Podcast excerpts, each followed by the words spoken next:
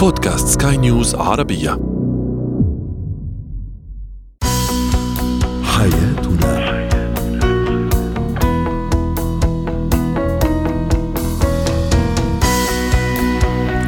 مستمعينا الكرام أهلا بكم معنا إلى برنامج حياتنا برنامجكم اليومي الذي يعنى بشؤون الأسرة وباقي الشؤون الحياتية الأخرى والذي يمكنكم الاستماع إليه عبر منصة سكاي نيوز dot com slash podcast وباقي منصات سكاي نيوز عربية الأخرى. معي أنا أمال شابه نتحدث اليوم عن كيفية التعامل مع الحماة المتحكمة والتي تحاول أن تتحكم في علاقة أبنائها بزوجاتهم أيضا كيف أحسن من خط طفلي إذا كان لديه خط رديء؟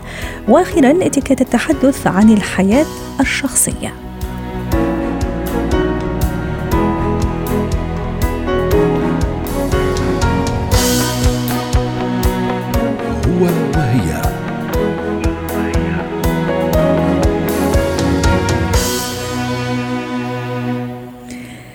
طبعا كل زوجة تحلم بأن تكون لديها استقلالية في بيتها وفي قراراتها أيضا وفي حياتها مع زوجها ومع أبنائها. لكن أحيانا بعض الزوجات يصطدمن بنوع من الحموات يتعلق الأمر بالحماة المتحكمة. كيف تعامل مع هذا النوع من الحموات؟ للحديث عن هذا الموضوع تنضم إلينا عبر الهاتف من القاهرة دكتورة عزة حمد زيان استشارية العلاقات الزوجية والأسرية. سعد أوقاتك دكتورة عزة. نعلم أن الأم هي تاج فوق رؤوسنا جميعا. سواء أنا كزوجة أو على الزوج بالنسبة للزوج. لكن أحيانا في نوع من الحموات يحاولن التحكم بشكل أو بآخر وبالعكس يعني في كل مفاصل الحياة الزوجية حياة أبنائهم مع زوجاتهم. كيف أتعامل وكيف أتصرف حتى لا أخسر زوجي ولا أخسر حماتي أيضا؟ في البداية عايزة أقول تحية لكل حما ربت وتعبت وشقيت وكبرت أزواج وزوجات شالوا مسؤوليات وعمروا بيوت. تدخل الحموات وتحكمهم موضوع شائك جدا وحساس. مهم قوي نبتدي ونقول إن الحما ليها دورين اتنين فقط وملهاش دور تالت. أول دور تعلم وتربي ولادها صح. تعلمهم حقوق وواجبات الزوجين وحدودهم ومسؤولياتهم. تاني دور التدخل الايجابي والتوجيه لما هو في صالح الحياة الزوجية والأسرة. ولكن آه في حدود لأن طبعا هم ما نقدرش ننكر إن عندهم من الخبره والحكمة في التعامل والحياة.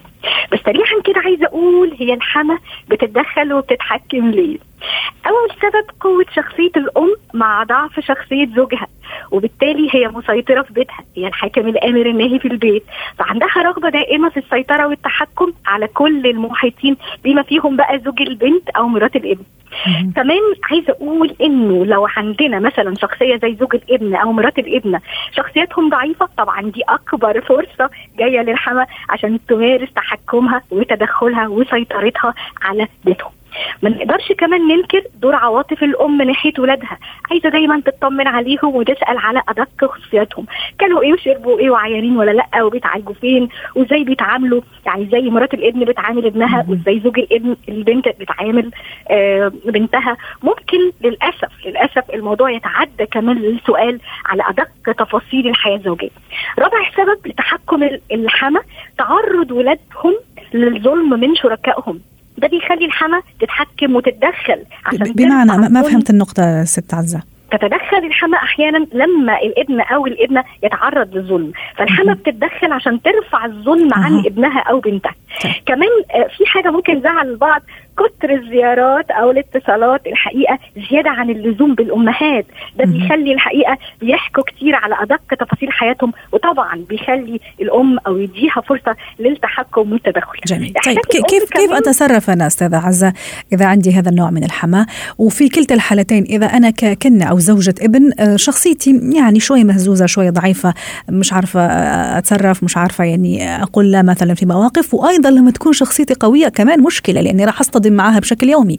أنا عندي شخصية معينة وآراء معينة وما أحب حدا يتدخل في حياتي لكن هي أيضا شخصية متحكمة فالتقينا نحن الاثنين يعني هذه مشكلة كبيرة.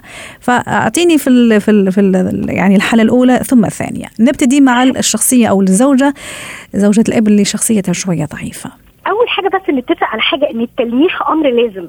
يعني سواء شخصية آه، قوية أو شخصية ضعيفة. طبعا أنا أنا من جوايا كزوجة أو كزوج أنا مش مش مطمن ومش مرتاح لتدخل الحما طيب. فلازم أقول لازم أعبر لازم ألمح وأصرح ولكن آه، الجملة الجاية دي مهمة جدا. أصرح وألمح بهدوء وأدب للحما في فرق بين التلميح والتصريح. ألمح ولا أصرح؟ الاثنين ألمح. وبعد كده أصرح. وأنا بلمح حتى ألمح بأدب وأنا بصرح كمان ألمح بأدب. ولكن لو أصرت هذه الحما بقى في التدخل أعمل إيه؟ أبتدي أبين لها إن تدخلها ممكن يسبب خراب البيت. ولو برضو أصرت أحاول ألمح وأصرح لزوج الحما كمان. وممكن آخد كمان إجراء أكتر من كده.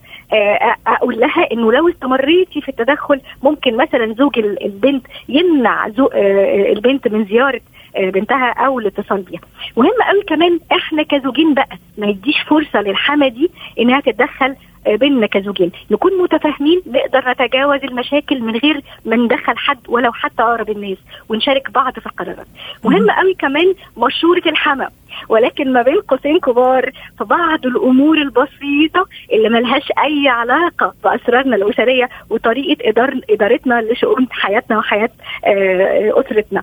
عشان إيه؟ عشان الصلة تفضل موجودة بين الأم وولادها. وعشان الأم نفسها ما تحسش إنه خلاص ملهاش قيمة آه، في حياة ولادها. آه، وعشان كمان ما تحسش إن تدخلها مرفوض وإنه لسه ولادها محتاجين لها ده طبعا كمان على فكرة هيمنع تدخلها السلبي. نراعي كمان تخفيف الزيارات والاتصالات لأن خلوا بالكم المزيد من الزيارات يعني المزيد من التدخل. آخر حاجة بس لو هنختم عايزة أقول ودور الزوج أيضا مهم أيضا حتى نختم في 30 ثانية أستاذة عزة. دور الزوج مهم جدا إنه في تحديد الأمور. آه، كل واحدة لها احترامها ومكانتها وتقديرها ودورها أيضا. في في حياته. ده الزوج رمانه الميزان. خلينا نقول في في الأمر ده. عايزة أقول كمان كلمة أخيرة لكل زوج وكل زوجة. حماتهم بيتدخلوا في شؤونهم. اولا نلتمس ليها العذر. الحما هي أم.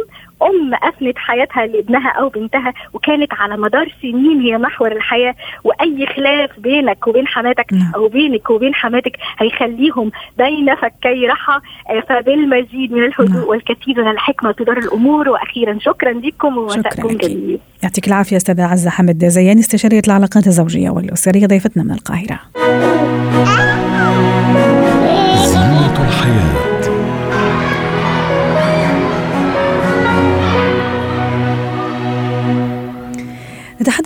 عن طرق أو نصائح لتحسين خط خط خط الطفل والكتابة للحديث عن هذا الموضوع. تنضم إلينا عبر الهاتف من دبي لما الصفدي الاختصاصية التربوية سعد أوقاتك. أستاذ لما نعلم الآن إنه مع التطور ومع أيضا هذه أزمة كورونا التعليم تقريبا صار رقمي واونلاين أحيانا الطفل ما يحتاج كثير للكتابة أو للقلم. لكن رغم هذا الكتابة شيء ضروري والتعامل مع القلم شيء ضروري.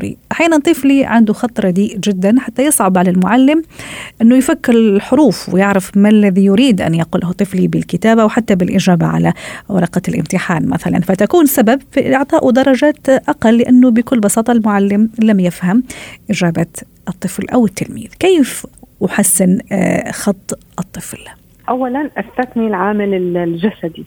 أحيانا بيكون في مشاكل بعضلات اليد وهي الأهل هم أنفسهم صعب يدركوها لأنه هي عبارة عن تحتاج إلى فحوصات من طبيب. فلو استثنينا بأنه هو جسديا ما عنده مشكلة بعضلات اليد بالاستجابه العصبية لإصابع اليدين وبنروح للحالة النفسية. آه كثير من الأهل ما بيعرفوا إنه ممكن يكون طريقة تعاملهم مع الطفل.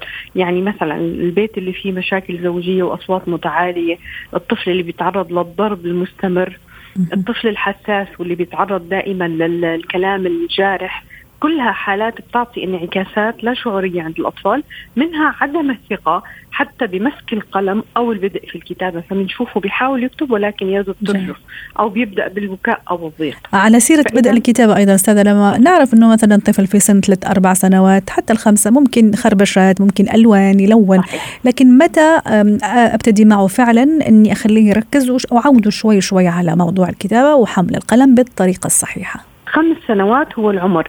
نحن بنشوف الأهل يكونوا جدا يعني مندفعين وكأنه آه، كتابة الطفل بعمر أبكر بيكون وكأنه إثبات لنجاح التربية.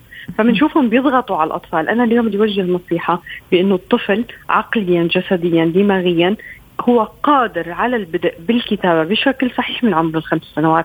وهذا الشيء اللي وضع المدارس بأنه أول صف بيدخل الطفل مثلا هو من عمر الخمس سنوات لأنه بيكون قادر إنه هو فعلا الكتابة بشكل صحيح. فما تضغطوا على الأطفال وتحت الخمس سنوات اتركوا الطفل يخربش يرسم يعني يسوي أي الأمور بدون ما نحسسه بإنه هو فاشل هو لم يتقن. في معلومة ثانية كثير من الأهل ما بيعرفوا المدة اللي دماغ الطفل قادر فيها على التركيز على عمل معين. 15 دقيقة. 15 دقيقة هي فقط المدة اللي ممكن الطفل نعطيه جملة أو عدة كلمات حتى يكتبها. بعد ال 15 دقيقة دماغ الطفل يبدأ تدريجيا بإعطائه رسائل بالملل آه، بالتذمر بالتعب. فبالتالي فقط يعني حتى سووها عيروا 15 دقيقة ونشوف كيف الطفل بيكون هو فقط بقمة تركيزه خلال هذا الوقت. حتى ذكرتيني وانت عم تحكي زمان لما في المدرسة لما كانوا يحبوا يعاقبوا التلميذ يعطوه يعني أوراق وأوراق وأوراق حتى يكتبها. فكانت فعلا هذه عقوبة قاسية عقوبة. جدا صحيح. بالنسبة وطريقة تربوية أنا أتصور في, في اعتقادي إنه خاطئة وفاشلة بالعكس ليست فقط خاطئة بل فاشلة. أستاذة لما أيضا انت تحدثتي على الموضوع مثلا المدة الزمنية كثير ضروري. مهم إني أمسك معه القلم استاذه لما مثلا بشكل صحيح وهو عم يكتب لأنه في النهاية كمان إيده صغيرة وضغطته على القلم ما راح تكون بهذاك الشكل الكافي. اللي يسمح له إنه يخط بشكل جميل ومقروء يعني. في نقطة هون كمان لازم ننتبه لها القلم. يعني لما وهي يمكن الأهل أكيد ما بتخطر على البال بأنه لما يكون يد الطفل هي يد صغيرة ما بنختار قلم كبير لأنه هون أصلا ما راح يعرف يتحكم في الكتابة. فنحن بنلاحظ أنه يكون القلم هو متناسب مع حجم اليد بحيث إنه فعلا عضلات الأصابع قادرة على أمساك. وأكيد أول فترة يفضل بإنه نحن نحاول مسك اليد النقطة الثانية نعتمد أسلوب التنقيط يعني نقط آه الكلمات صح. وهو يوصلها لحتى دماغه يتعود على إتمام شكل كامل فهي بتجي بالتدريج يعني مرحلة بعد مرحلة وأكيد التشجيع بعد كل كتابة حرف أو حرفين أو أكثر شوي أو أقل هذا شيء ضروري ويعطيه يعني الدافع والحماس أنه ينجز أكثر أليس كذلك صحيح.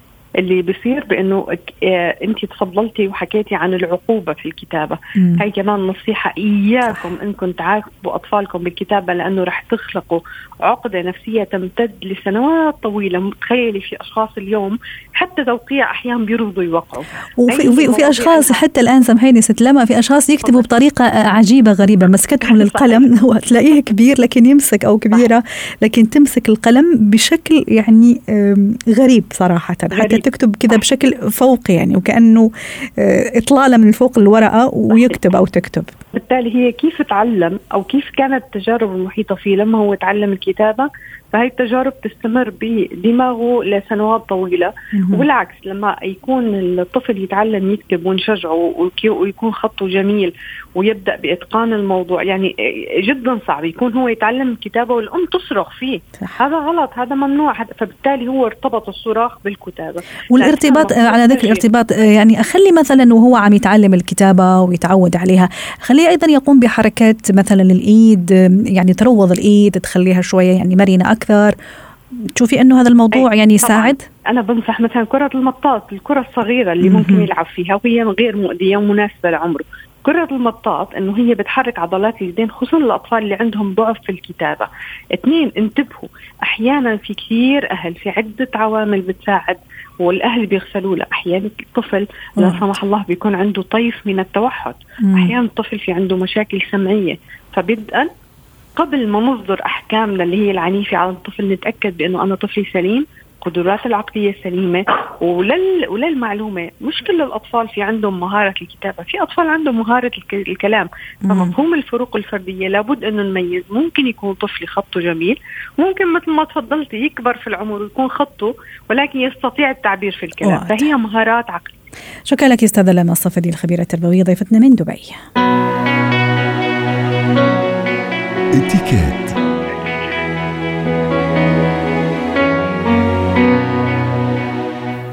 اليوم سنتحدث عن إتيكيت الحديث عن حياتنا الشخصية. تنضم إلينا عبر الهاتف من بيروت جورجينا إبراهيم يسعد أوقاتك ست جورجينا. الحياة الشخصية هي جزء خاص جدا من كل شخص من حياة كل شخص. آه، ما هي حدود الحديث عن حياتي الشخصية أمام الناس على اختلاف قربهم أو بعدهم مني؟ لما عم نحكي نحن عن الأحاديث في في عدة مواضيع عم بحكي هلا بشكل عام في عدة مواضيع لازم نجرب نتفاداها حتى ما نكون عم نخلق آه، نوع من التشنج أو آه، العداوة بين بيننا وبين الأشخاص الموجودين، يعني يمكن بحديث من قبل ذكرناهم نرجع نذكرهم هلا بسرعة هن السياسة، الدين، المال والحياة الشخصية. والحياة الشخصية مثل ما هلأ عم نحكي عن هذا الموضوع هي آه كل أمورنا أمورنا نحن يعني آه آه شغلنا ال ال الأمور المادية الأمور الصحية هيدي الأمور إذا من إذا بنحس أو لازم نفكر يعني قبل ما نكون عم نفتح أي موضوع له علاقة بحياتنا الشخصية إذا بنحس إنه هذا الموضوع ما راح يكون له قيمة مضافة للحديث أو يمكن الأشخاص ليس فقط قيمة مضافة أيضا. ممكن أنا ولما أحكي أستاذة جورجينا ما أدري توافقيني الرأي على أمور خاصة جدا أنا راح أسمح للطرف الآخر أنه يتمادى أكثر.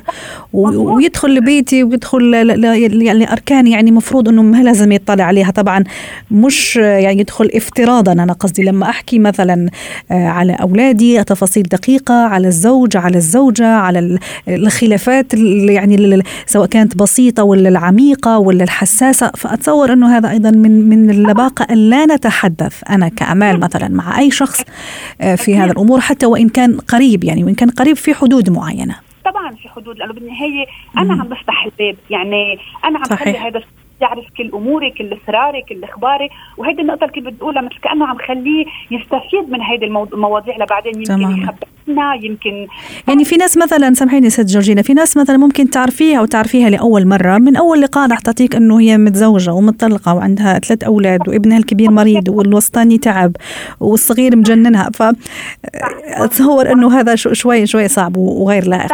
أكيد غير لائق. أكيد لأنه بالنهاية بالنهاية يمكن الأشخاص يلي آه، آه، قدامي هن كمان عندهم مشاكلهم. يعني بالنهاية مش كل الناس بت لها جلد أو نحن بنقول بلبنان اللي فينا مكفينا. يعني كمان إجي أنا أشتكي واخبر وأخبر هذه الأخبار يلي هي ما راح تكون يعني هالأخبار الحلوة أو ما راح تكون هالشيء اللي كثير مهم للآخرين. ومثل ما قلتي حضرتك كمان يكون عم بفتح للآخرين مجال على إنهم يتدخلوا يعطوا آراء أو يمكن يعطوا إذا بدك نصائح مش بمحلها.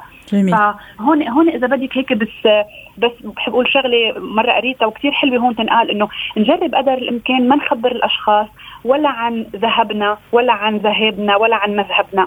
يعني هاي الأمور ولا نخبر عن يعني مثل نخبر عن أشخاص مثلا قديش نحن بناخذ راتب أو مش بس نحن نخبر كمان هون فينا نشوف قديش الآخرين بحق لهم يسألوا. يعني قبل ما أنا كمان أخبر بدي أشوف إذا هالأشخاص أو نسأل حالنا يا ترى يا ترى نحن بحق لنا نسأل الآخرين عن راتبهم أو يمكن عن العملية الجراحية اللي عملوها ويمكن أيوه على سيرة هذه أيضا كثير مهمه أنا حابه أتوقف عندها بالنسبة لموضوع مثلا الصحة.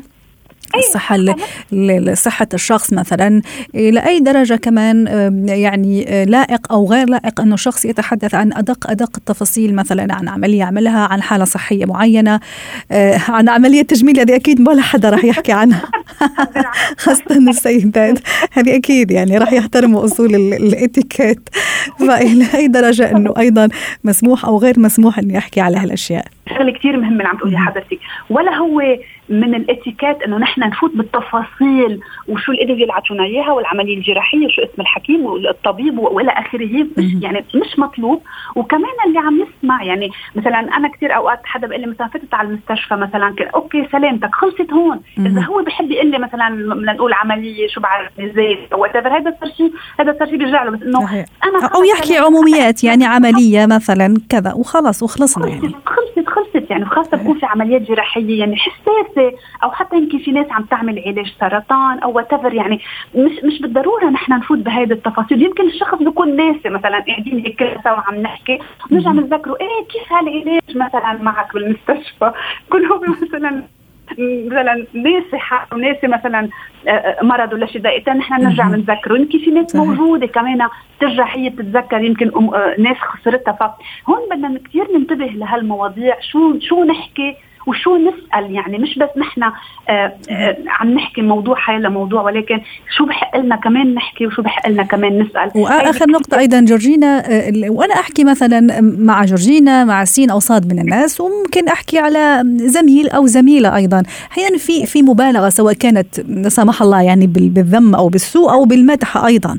فهذا يعني قديش يعطي الانطباع لجورجينا لما تسمع أمال تحكي على سين أو صاد سواء بالسوء أو بالمدح أيضا المبالغ فيه؟ انه لا مش مش مش حلوة يعني. طبعا نحن هون بدنا ننتبه كثير منيح نحن نقول الدنيا صارت كثير صغيرة. يعني يمكن أنت عم تحكي عن شخص يمكن كثير قريب لإلي وأنا بعرفه وياما بتصير كثير أوقات بتصير نحكي عن أشخاص يمكن الموجودين بيعرفوهم أكثر مني. فهون كمان بدنا ننتبه كثير منيح لما بنجيب سيرة أشخاص إن كان بالخير ولا يعني نجرب قدر الامكان إنه ما يطلع نحن عن عن كلمه أو عن نحن حكينا. هيدي الكلمات اللي معقول تسيء لأشخاص نحن ما بنعرف الموجودين قديش قديش بيعرفون قديش هن على علاقه فيهم يعني فبرجع بقول يعني قد إيه العالم صغير كمان آه، آه، بالحقيقة بنحس إنه العالم كثير أصغر لأنه عن جد ما حدا بيعرف مين بيعرف حدا. فنجرب قدر إنه نتفادى نحكي عن حدا ويطلع عن لساننا نحن كلام مش حلو عن صحيح. حدا. ومثل ما أنا أحب يتعاملوا معي الناس بشكل لائق وراقي أنا أيضا أتعامل مع الناس بهذا الشكل الرائق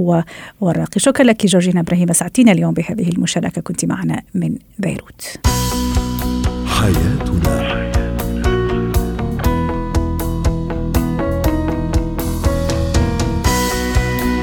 ختام برنامج حياتنا. شكرا لكم وإلى اللقاء.